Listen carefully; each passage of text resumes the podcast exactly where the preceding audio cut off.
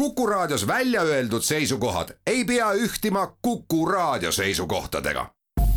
Te kuulate Kuku Raadiot.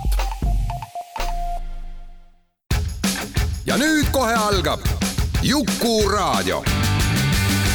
Juku-Kalle Raidi köögilaua taha ongi juba kogunenud kõikvõimalikud spetsialistid ja muidu toredad inimesed. tore, et sina ka tulla said. häid mõtteid toob Juku Raadiosse Postimehe kirjastus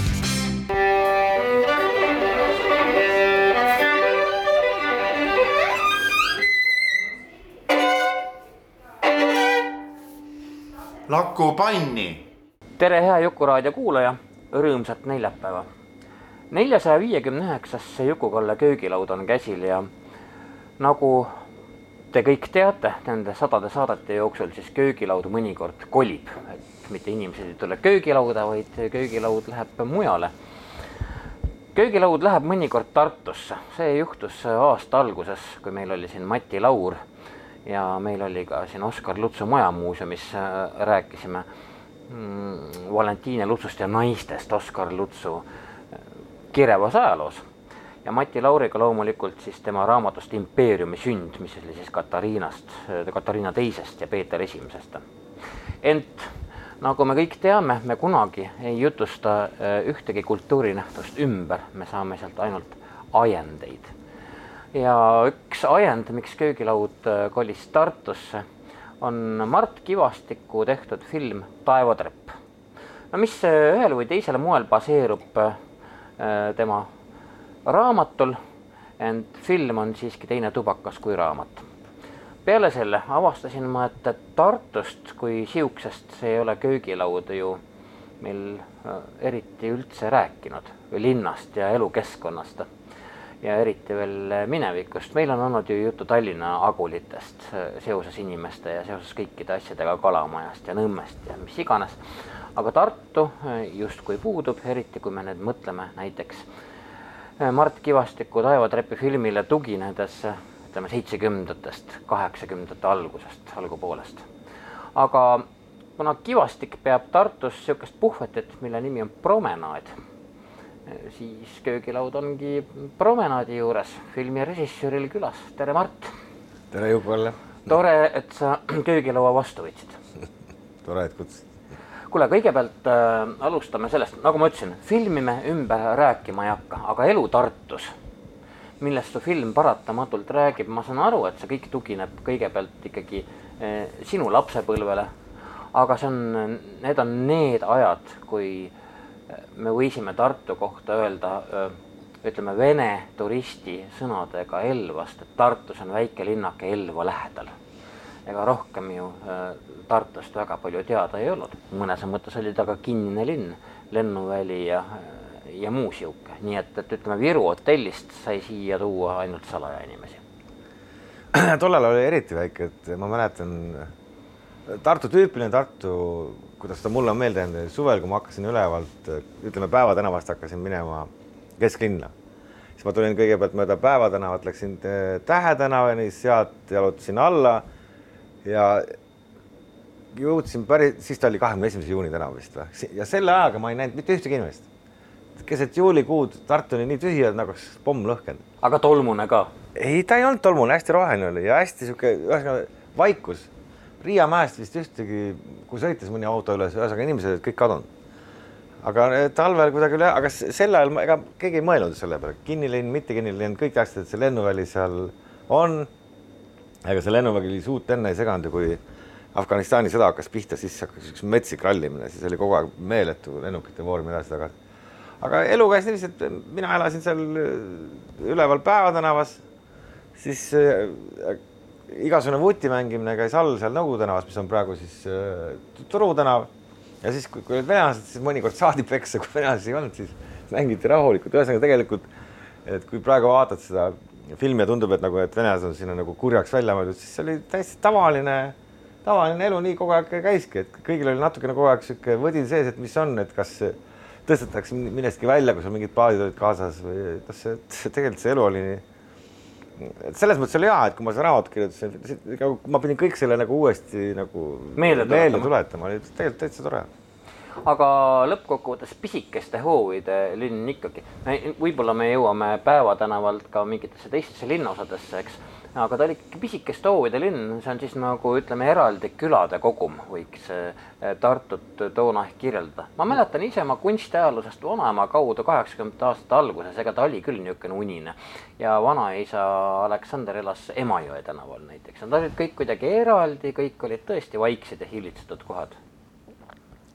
võis olla jah, aga nagu ma ei tea ma arvan, et sa võrdled, kui sa väga hästi värske võrdled Tallinnaga, aga eladigi, elatigi niiviisi hoovides, elu oli sihuke, elasid hoovis või siis eh, luge-, kõik lugesid raamatuid tollal hästi palju. sest eh, telekat ei olnud põhimõtteliselt, see kaal on rohkem, kui elu tuli. talvel siis oli kogu Eesti oli teleka ees ja siis ülejäänud aeg pidid keegi ei viitsinud ju Vreemnat vaadata seal kogu aeg, noh. ja siis, eh, siis loeti või siis mängiti vutti, see oligi põhi või siis noh plaadid, plaadid oli nagu see teine põhiasi, mis oli. plaadid olid ikkagi nagu ikkagi aken kuskile välismaale. enne kui me jõuame Tartuga edasi, pean ma korraks rääkima veel filmist. Äh, sul on see tõepoolest see soundtrack enam-vähem, ma avastasin seal pooled oma lemmikbändid ja okei okay,, natukene äh, natukene liialdan, aga noh, Chetore tallist seal alates, et see on tõepoolest hea soundtrack, mis siis iseloomustaski sedasama, mida sina ise toona siis äh, muusikana kas kogusid või lindistasid või vahetasid, eks? jah, no ühesõnaga ühe asja ma puksin täpselt maha, et ma nagu isegi ei viitsinud valetada, et et need plaadid, mis ära võeti, mis võmmid ära võtsid, tegelikult nad võtsid raudteejaamas. Oli Jetro Talli Minstrel in the Gallery vist oli see pealkiri. Ja. ja teine oli üks Magma, Magmat tavaliselt keegi ei tea tea, teame ikka. see on prantsuse bänd, tead? mina tean väga hästi muidugi, väga tore progerokk. jah, ja see, need võeti mul ära ja siis ma tõesti vaatasin ja, ja mul on tunne, et võmmid kuulasid neid ikka suvi otsa.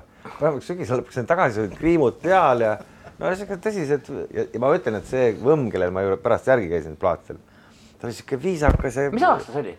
Ähm, ma pidin see Minstruline Gallery on vist seitsmekümne viienda aasta plaat. seitsekümmend viis või seitsekümmend neli, midagi taolist jah ja, ja. ja. hästi tore plaat ka veel et see võis olla, ma pakun seitsekümmend seitse, midagi taolist mis jah, umbes seitsekümmend seitse võis see olla. ja ma, ma olin neliteist viisteist, neliteist tõenäoliselt. nii, köögilauas on lisaks Mart Kivastikule ka filmirežissöörile Taeva Trepp on ka sinu sõber ja, ja Andres Lunge, sada arhitekt. nüüd võikski rääkida natukene hoovidest, arhitekti pilguga, tänase arhitekti pilguga meenutada, mis õigupoolest see Tartu Flow võis toona olla ei, ärme räägime hoovidest. no räägime siis millestki muust. vaata, kui Mart elas seal Päeva tänavas, eks meie elasime samal ajal, elasime Tiigi tänavas, mis on, on, on teisel pool ülikooli raamatukogu mm. -hmm. ja seal oli, kui ma õieti mäletan, siis oli vist umbes kolm või neli niisugust maja nimetati Hruštšovkadeks ja meie hoovid olid need. et meil ei olnud selliseid mingeid puithoove ega mingisuguseid supilinna urkaid, vaid me olime ikka selles mõttes noh, moodsas elukeskkonnas. soe vesi. igal juhul, gaasiboiler, palun väga. ja aga, aga teisel pool teed, kas sa seda, Mart, mäletad, et seal, kus praegu on ülikooli raamatukogu, seal oli ju segajate jaam on ju seal olid mastid püsti, seal segati Ameerika häält oli, see oli terve see aed oli täis, oli maste Tallinnas oli see selle Väike-Ameerika juures. ja, ja, ja, ja seal jah, seal Virmalises oli. Ja, jah ja,, täpselt, meil oli seal Tiigi tänava, Tiigi tänava ja, ja Vanemuise tänava vahel oli see aed, kus segati kõike. Ja me elasime seal täpselt seal Tiigi üheksa neli oli meie esimene korter, kõige, muide, kõige esimene korter, kus, kus, mida ma ei mäleta oli see, kus su vanemad elasid, vaata, ma rääkisin seal Vanemuise ja ja Struue nurga peal, seal oli meil üks üürikas niimoodi ja sealt siis mu ema sai sinna Tiigi tänavale. ja sealt Tiigi tänavalt läksime tuhat üheksasada seitsekümmend kaks, kolisime sinna Aardlasse ära, linnaserva, kuhu ehitati üks Tallinna tüüpi maja ülikooli õppejõududele. seal oli kuus trepikoda ja terve viiekordne maja oli kõik ülikooli professoreid täis. Need koliti kõik sinna küüditati umbes nii, noh silma alt ära, eks. selles mõttes on huvitav, kuidas linn on muutunud, et, et kogu see kant, mis on sinna Tiigi tänava ja mis on, ütleme ra, ra, raudtee selle, ütleme praeguse ülikooli raamatuga raudteejaama vahele jääb. see oli tegelikult üks hästi vilets kant, ega sinna väga keegi minna ei tahtnud, seal oli sihuke, see oli küll kunstikooli ühikas. ja ma tean need, kes kunstikooli ühikas elasid, seal oli nii, et vahepeal visati ikka neil tellis aknast sisse ja see oli sihuke, ikka. ei no vaata, aga kui me räägime ikkagi sellest, hea küll, need Hruštšovkad, las nad olla, aga, aga mõtleme selle peale, et, et, et mul oli üks sihuke äh,, ta ei olnud isegi meie sugulane, me kutsusime teda vanemise vanaemaks, onju. tema oli tulnud Haljälast või sealt, kus meie talu siiamaani on, sealt naabertalust, tema oli näinud, kuidasmoodi ühesõnaga NKVD lasi tema mehe ja poja lasi maha, kes noh, põgenesid aknast välja ja said surma. ta läks lolliks peast ja ta toodi Tartusse noh, hullumajja ja tal ei olnud mitte millestki elada ja tema elas vot sellises Agulis, Vanemuise tänaval. seda maja enam pole, onju. aga, aga ta sai ühe niisuguse kööktoa, niisuguse pisikese kööktoa, kus me kõik elasime ka mingil ajal, onju. minu ema, kui tuli ülikooli, elas seal siis kõik need sünnipäevad olid seal, saad aru, sama suur tuba kui see, kuram see laud siin, umbes, umbes nii noh. vot ja see oli, eks ole, see noh, nagu nii-öelda Aguli elu. kui juba liiguti nendesse Hruštšovkadesse, noh, see oli, sõbrad, noh, tulge, see oli pidu. no sinul oli Hruštšovka, aga Kivastikul ei olnud Hruštšovkat. ei olnud, meil oli Päeva tänavas oli ikka veel ikka väga ilus korter, meil oli kahetoane korter ja ma mäletan, me olime, mina olin vist kaks või kolm, kui me esimest korda läksime sinna vaatama ja siis eh, seal parajasti remont käis. ema mul viriseb kogu aeg selle filmi kallal, et kurat, et see korter, kus nad elavad, et see on mingi sihuke maakate korter, et et meil oli ikkagi ilus korter ikka kuradi. ja oli tõesti väga kenasti oli kõik tehtud. aga see oli üürikas? ei olnud, noh see on tavaline nii-öelda Nõukogude korter, sest ülejäänud omanikud olid ainult need, kes ostsid endale kooperatiivkorterid ülejäänud elasid ju nii-öelda riigi pinnal, riigi pinnal ja maksid, mis see oli, kümme rubla kuus, ma ei tea, sooja vee eest või mis see võis olla ma ei tea, ja siis äh, igal mulle meeldis see päevadena, päevadena elu ikka palju rohkem, mäletan, ma käisin all seal Jagomägede juures, kus nad elasid, need nii-öelda, need, need ei olnud Hruštšovkad, need olid need natuke uuemad. Need mitte nad, olid Hruštšovkad jah? Need olid just need kõige esimesed. ja hallid, aga neil olid vähemalt need ilusad rõdud, need nägid, nägid nagu värvilised välja. aga see oli ikka päris õudne, mis seal oli, kus all olid need uksed katki, siis kurat üles neljandale korrusele, siis kuidagi inimesed sinna nagu kinni kiilusid, mulle üldse need ei meeldinud, et selles mõttes mulle need, see selline päevatänava elu ikka super hästi istus. ja ma siiamaani vihkan äh, igasugust äh, šovkandust. paneelmajandust. absoluutselt, ma kohe, mul tuleb hirm nahka, kui ma näen seda, ma ei, ma ei kujuta ette, kuidas, et sul vedas, et sa sealt ikka pääsed, sest et kus, ma ei kujuta ette, kuidas sa saaks terve elu elada seal kuskil selles kivilasu sees ja. ei, see kõik, see kõik on õige ja, ja äh, noh no, plaksutan tõesti selle peale, aga kui ma mõtlen nii-öelda nüüd jällegi, jällegi selle noh, jällegi selle Vanemuise vanatädi peale, eks, kes, ta on nagu kõigest ilma jäänud, eks, ja, ja neid oli ju, eks ole, kes tulid Siberist tagasi, nende majad olid laiali laotatud, on ju. Neil ei olnud kuskile minna, siis noh, mina olen nendesse Hruštšovkadesse nagu hakanud selles mõttes kuidagi leebemalt suhtuma, et et inimesi oli vaja kuskile panna. jah, sellest ma saan aru, aga, aga ma ütlen, et see, see sinu vanatädi või noh, see terve Eesti rahvas oli selline no,. enamik inimesi oli kuskilt ju, pool oli ära saanud, pooled olid surnud, siis mingi osa oli õnneks jõudis välismaale, kes hakkasid meile siis nagu plaate saatma, kellele saadeti, kellele saadeti aga, aga see on, see oli täiesti kohutav, mis inimestega tehti no,. aga, aga minu arust see kuradi Hruštšovka on nagu kuradi üks. ei, vabalt võiks need praegu kõik on ju ära koristada ja see on teine teema, eks aga, aga nendest, äh, sellest nii-öelda, nendest aedade lummusest hakkasin ma aru saama hoopis hiljem, vaata supilinnas, see on, kui sinna kolisid, eks ole, meie sõbrad Ivar ja, ja, ja, ja niisugused tüübid, eks ole.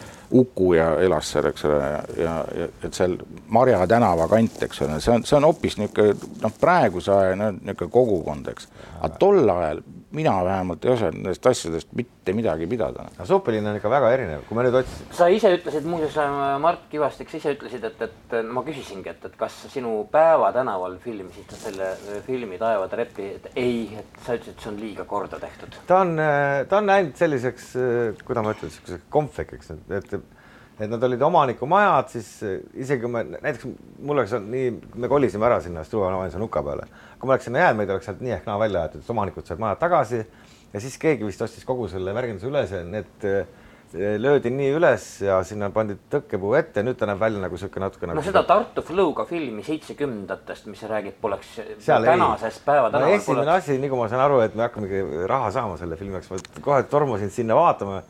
Ja siis mind juba vaadati kahtlustavalt, et, et kes see, kes see luurab siin kinnisvara.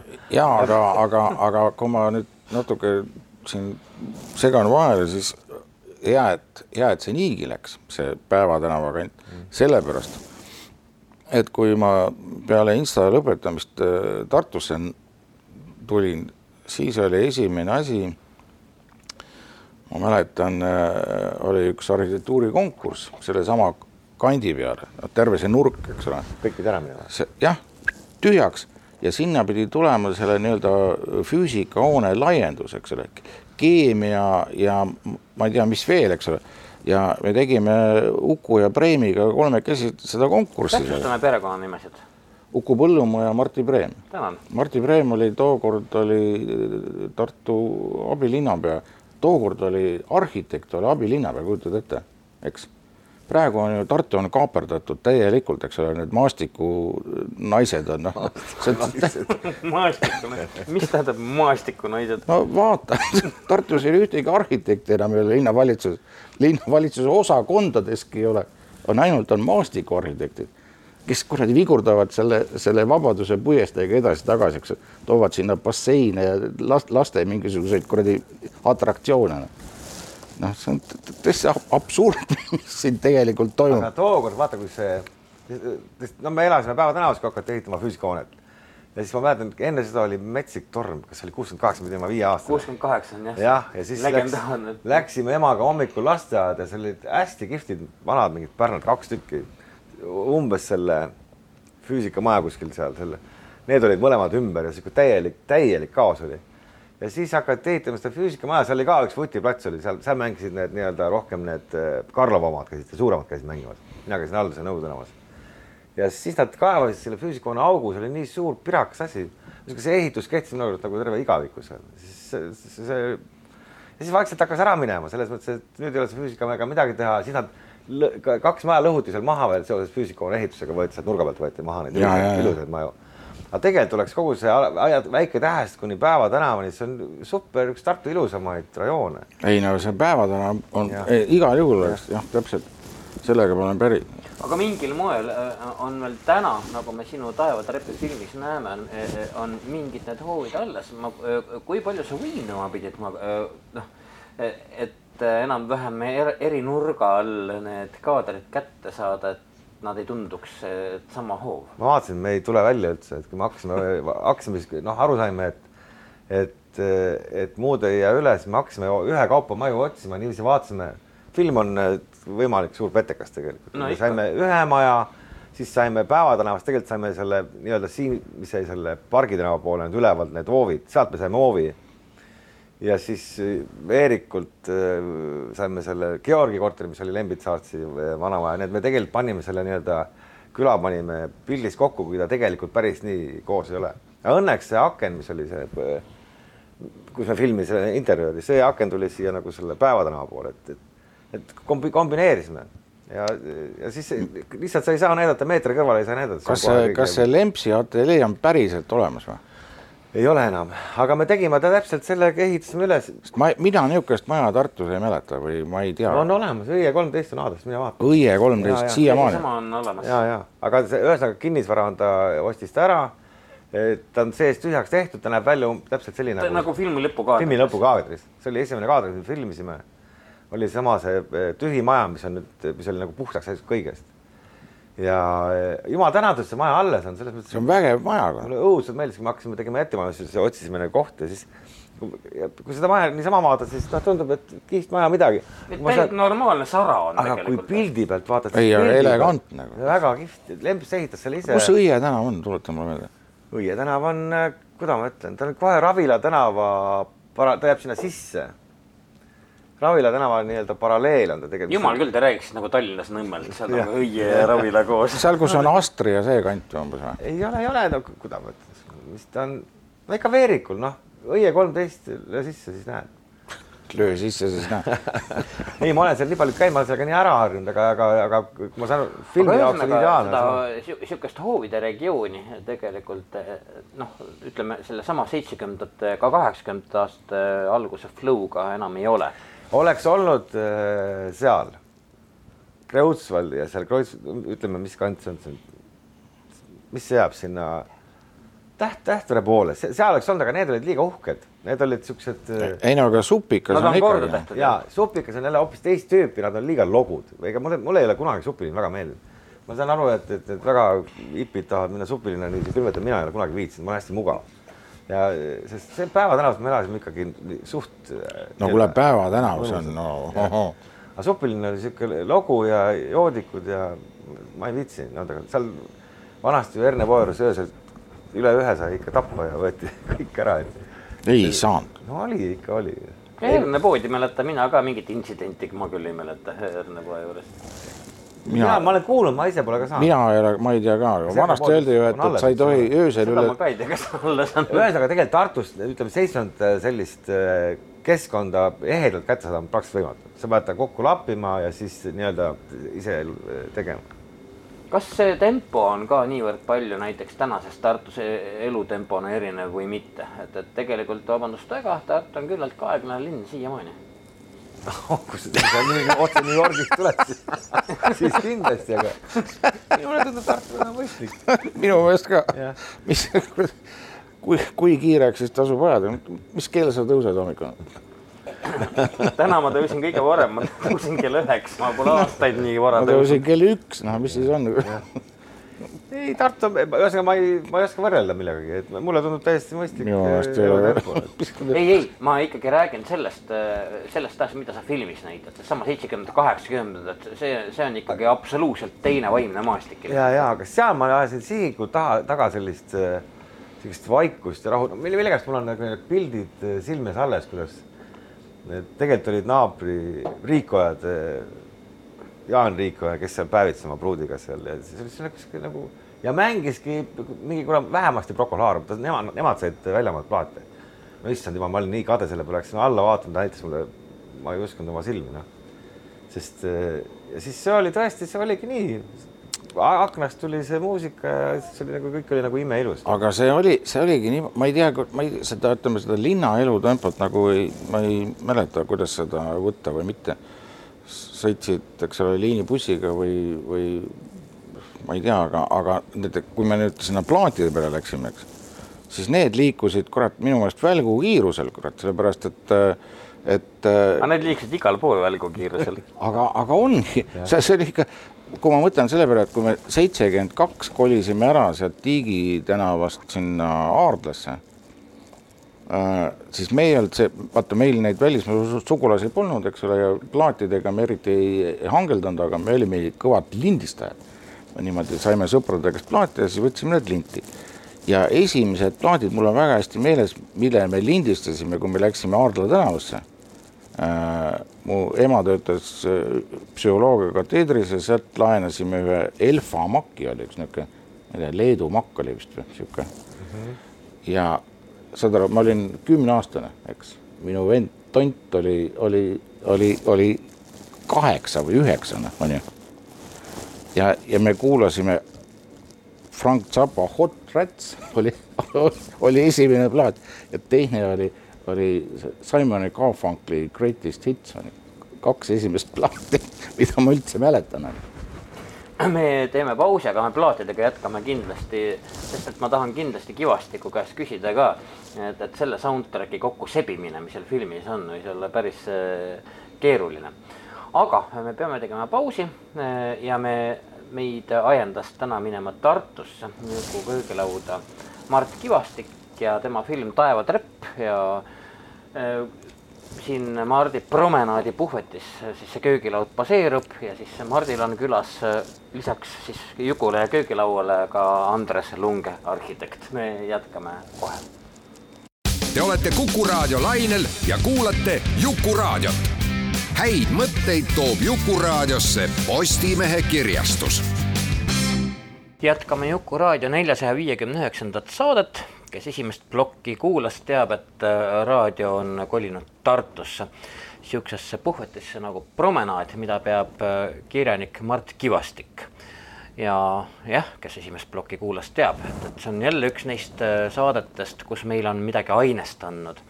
nimelt Mart Kivastiku minu meelest täiesti suurepärane film Tartu Fluust taevatrepp on see, mis meile ajendi andis ja tegelikult äh, võib-olla me joonistame üldse siin Tartu pilte. aga kes muidugi viitsib Kivastiku filmi üles otsida, siis oli ka põgusalt juttu. Et seal on siis selline noh, ajalooomane soundtrack, me korraks peatusime siin siukselgi prantsuse progebändil nagu Magma on ju. aga sul on päris korralik toonane soundtrack ja igal normaalsel inimesel tekib küsimus, et äh, kui sa mängid Jetrotolli ja toonaseid, ütleme maailma sihukest noh, kõrgklassi muusikat ma ei kujuta pilti, kes sul seda filmi rahastas, kuidas sa selle äh, kuradi asja kinni maksite, ma peab äh,, produtsent on Marju Lepajõe. Marju Lepp, Marju Lepp. Lepp Lepp ja Marju pidi sellega ju hakkama saama. ja Marju ja tegis. Manfred ka, Manfred Vainogi. Manfred Vainogi, nemad kaheksa, see on filmivabrik jah. ja nad algused omast arust väga hästi uurisid kõik need hinnad järgi ja, ja ma mäletan sellepärast, et kui ma tegin seda esimest pikka filmi Üks mu sõber ja. ja siis ma tahtsin sinna kakskümmend kolmkümmend kaks sekundit Beatlesite seda Eleanor Rigbit ja see maksis kakskümmend viis tuhat eurot ja meile, meie filmi eelarve oli tookord kakssada viiskümmend tuhat. Ja kakskümmend viis tuhat eurot meil ei olnud mitte kuskilt võtta ja ühesõnaga see Eleanor Rigby jäi ära, mis on jube kahju sellest, et ta kas sa oleks võinud lasta kellelegi cover'i teha? tead, see cover poleks see olnud, ma tahtsin, noh, cover coveriks, alati on cover itega, et et mõnes muus filmis oleks sobinud, aga seal oli just juttu, et see et see, see sass, see tegelane räägib, räägib kolm B-d, beat'id, Bach, beat'id ja Rolling, ühesõnaga talle beat'id ei meeldi Rolling Stones. et oleks pidanud see ravi, see oli ravimuusika, et Arne, Mati oli tegelane, et see saaks terveks ja siis ta kuulab Beatleid ja siis nagu saab terveks. ja loomulikult beat'id ei saanud ja siis suure hädaga panime sinna siis lõpuks Bachi, mis Bach on ka tore, aga see polnud üldse see, Bach ei maksa mitte midagi. noh, Bach on nii kaua aega surnud, et teda saab ilma. noh ja, ja. huvitav, kui kaua peab Brian May surnud olema nüüd ja, ja siis, kui ma seda lugu kirjutasin, ma, ma ka seda kartsin, et, et kõige suuremaks takistuseks saab see muusika õiguste ostmine. aga Marju ütles ei, tema uuris järgi, et see, see on enam-vähem tühi-tähi, et see on veel niiviisi. No progerokk oli ilmselt nii sellise hinnaga ka kui Beatlesid.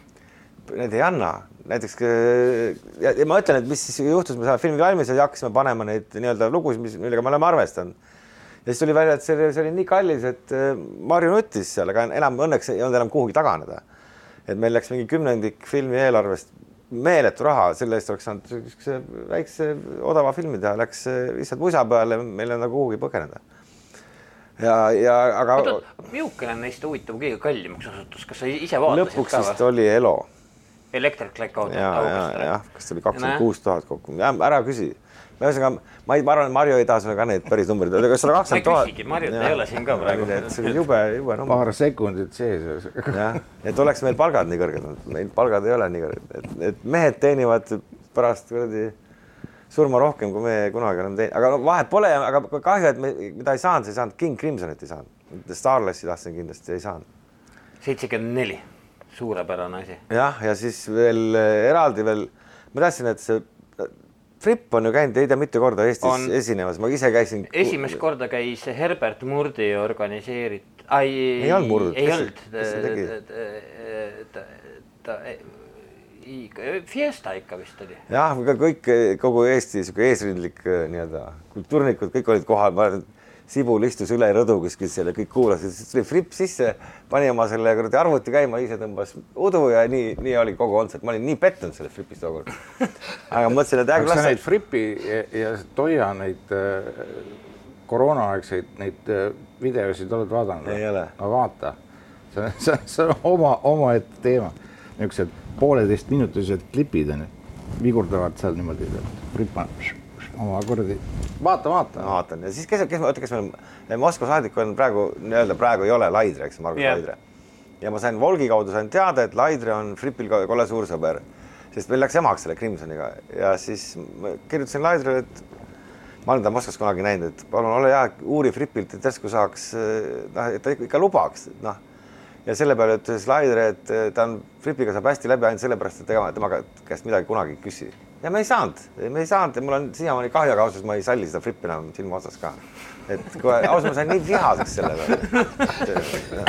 noh, mina kaitsen King Crimsonit, kaitsen ma siiski ikkagi eriti veel seda plaati Starless, millest ja. sa tegelikult räägid, mis on äh, väga. super kihvt, noh, ma mõtlen, et oleks olnud Leik elus, oleks olnud Leik elus, ma usun, et Leik on ju tegelikult ka kõige ilusam. ma mõtlen, mis selle kurat sarja nimi oli, see äh, äh, Lockdown äh, Sunday, ma ei tea, breakfast või midagi niisugused minutised, niisugused panevad piigaga kahekesi seal, need koroonaaegsed niisugused kodus istumise nalja tegemised, täitsa lõbus on see. Aga siis teine asi, mida me, mille, millest me jälle täiesti ilma jäime, oli ja, ja ma ei tahtnud seda taevatrepi, seda nii-öelda nimilugu, ma ei tahtnudki sinna, sest ma poleks nagu eriti kuhugi panna ja las ta olla, see taevatrepp on, kõlab niigi hästi. isegi parem loota ja minu arust ei ole, nad ise varastasid ka selle loo ju tegelikult noh, ja siis nüüd meie ei või võtta.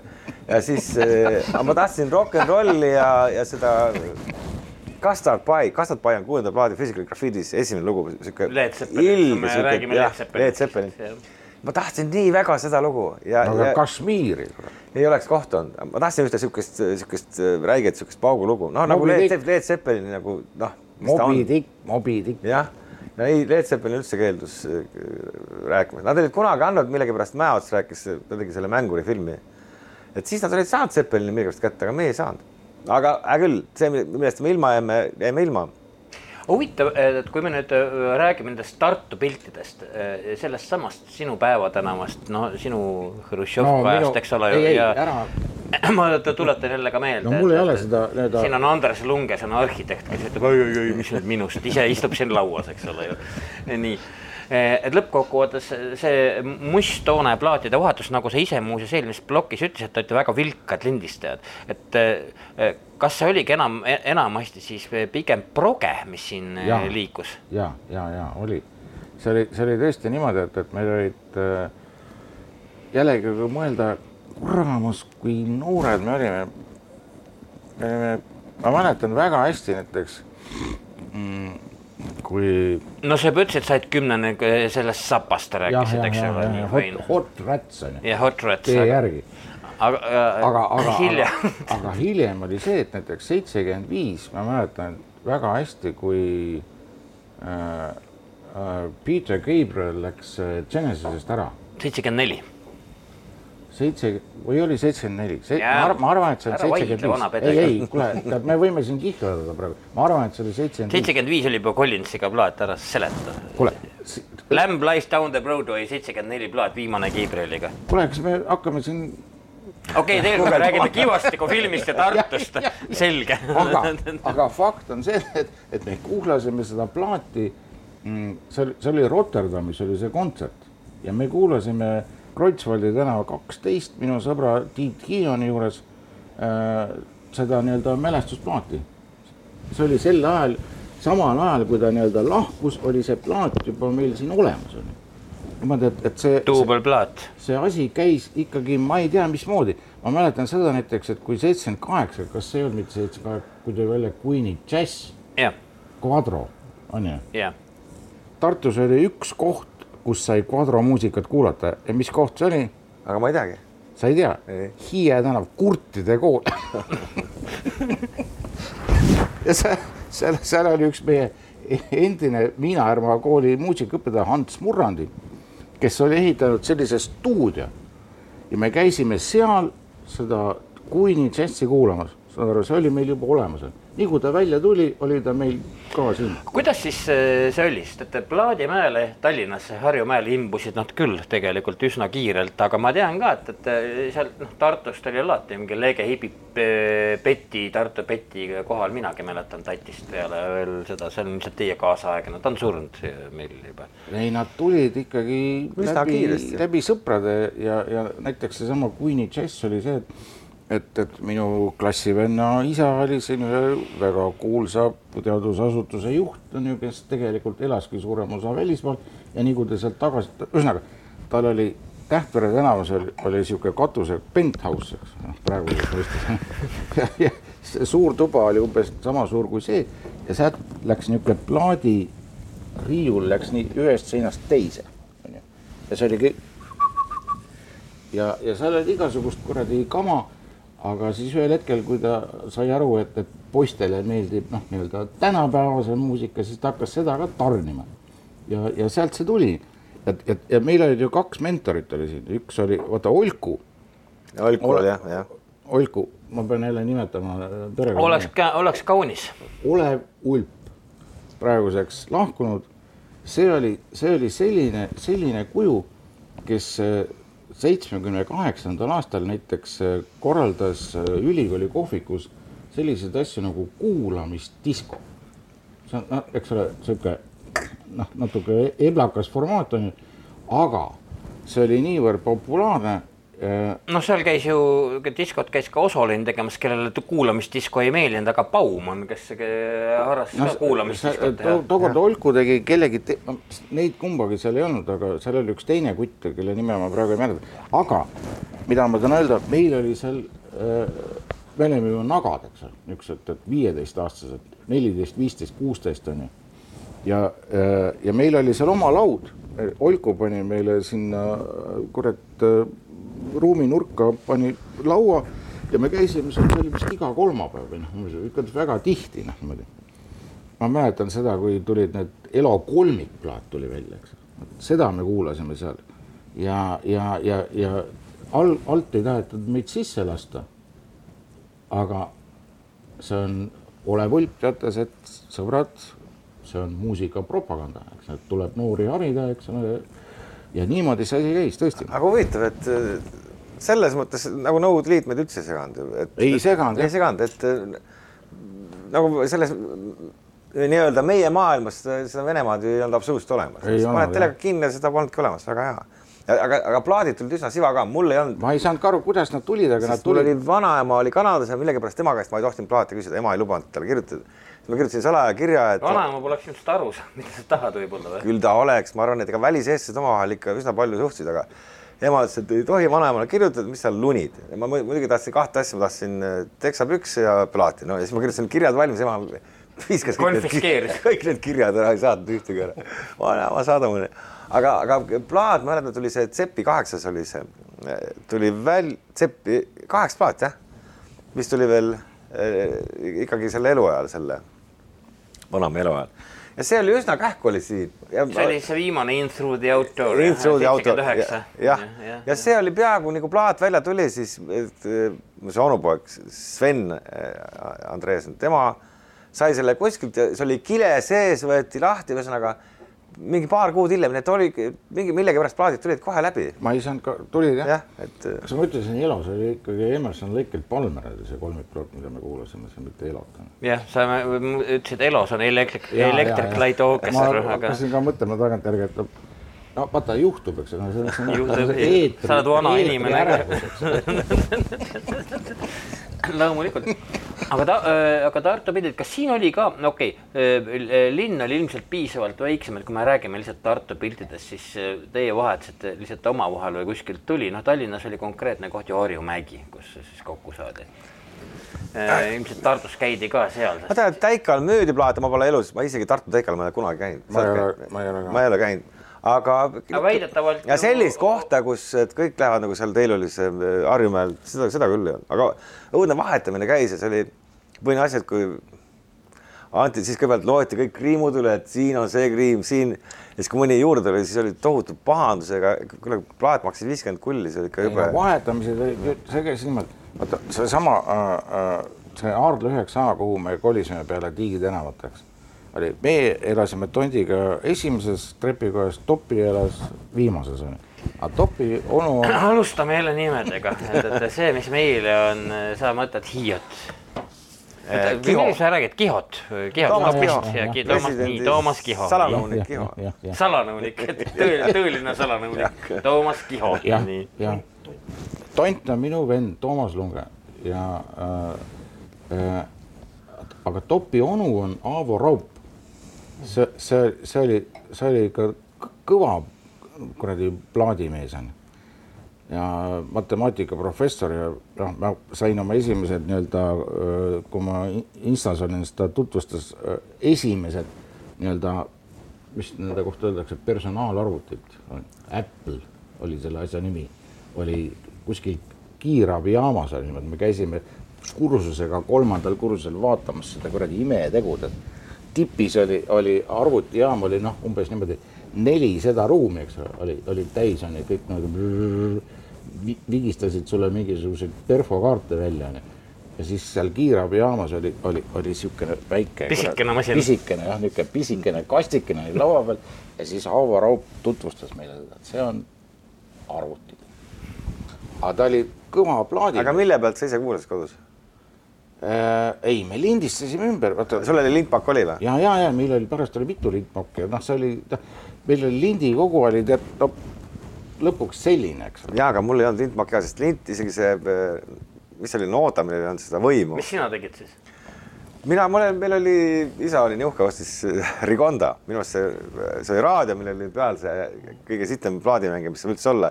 Enam-vähem su filmis oli ka umbes ja, ja ma andsin ausõna alati, et ma selle peale plaati panen. Ja ikka ma kuulasin, sest seal oli mingi plastmassõel ja tegelikult selle peale ei tohtinud neid asju, aga mul ei olnud midagi muud, et ma julmalt valetasin ja kuulasin ikka selle peale. meil olid need lintmagid, aga, aga plaat, plaadimasinad meil ei olnud, sellepärast et, et vaata, neid plaate ei olnud, plaadid käisid edasi-tagasi, meil ei olnud plaadikogu aga plaadikogud näiteks vaata Olkul, kadunud Olkul jälle, kellest mitu korda juttu, Olev Ulp, nüüd ma täpsustan, eks ole, et, et sa jälle üle ei küsiks. no loomulikult. jäta meelde ükskord.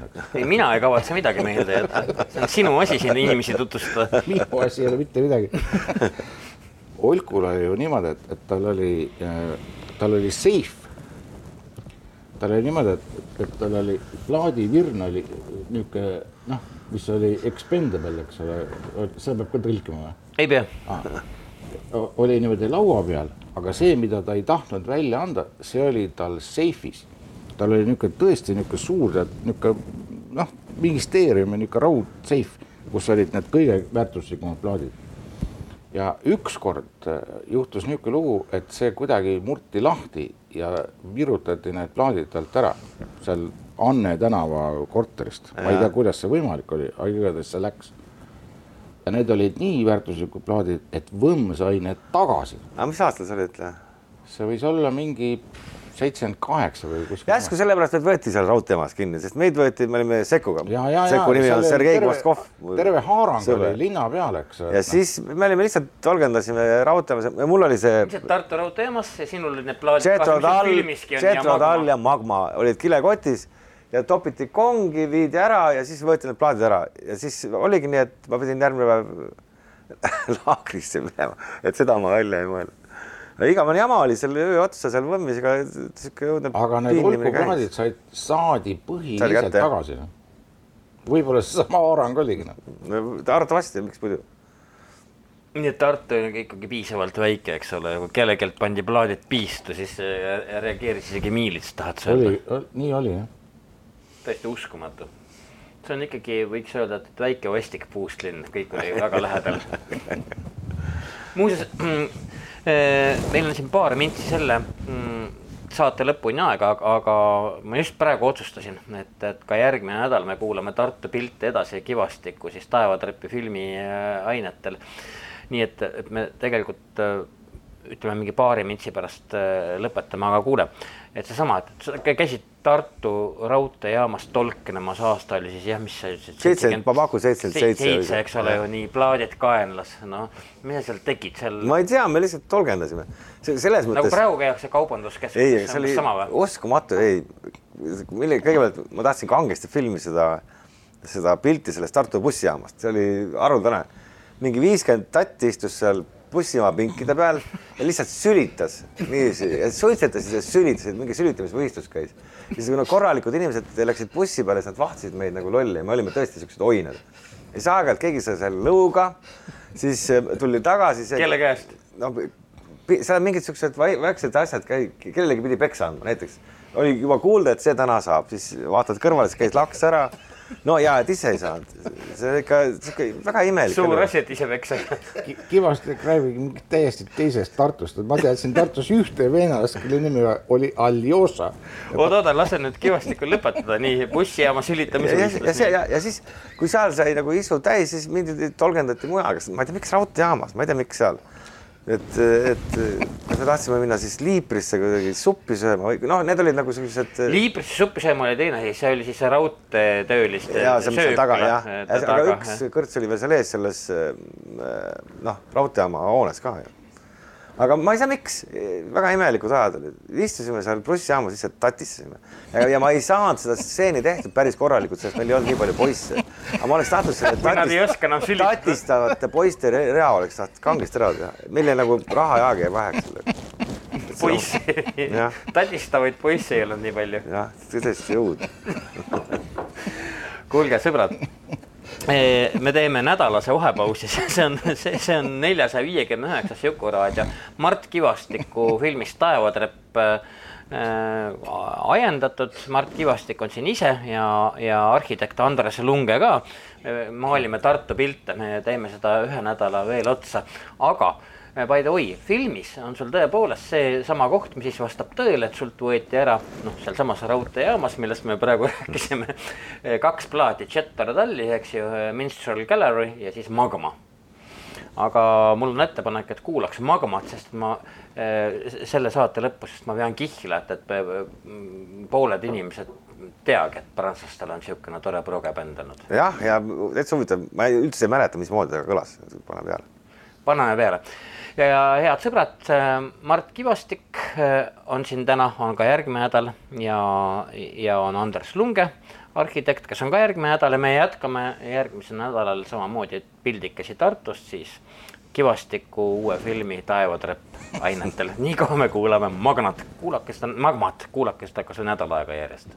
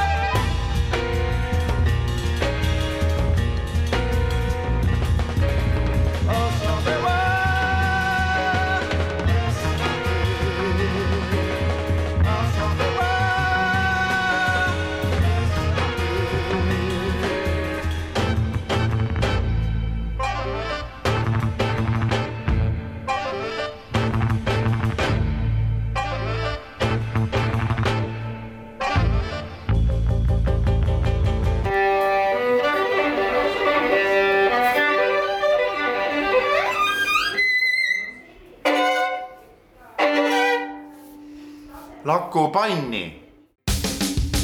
häid mõtteid toob Jukuraadiosse Postimehe kirjastus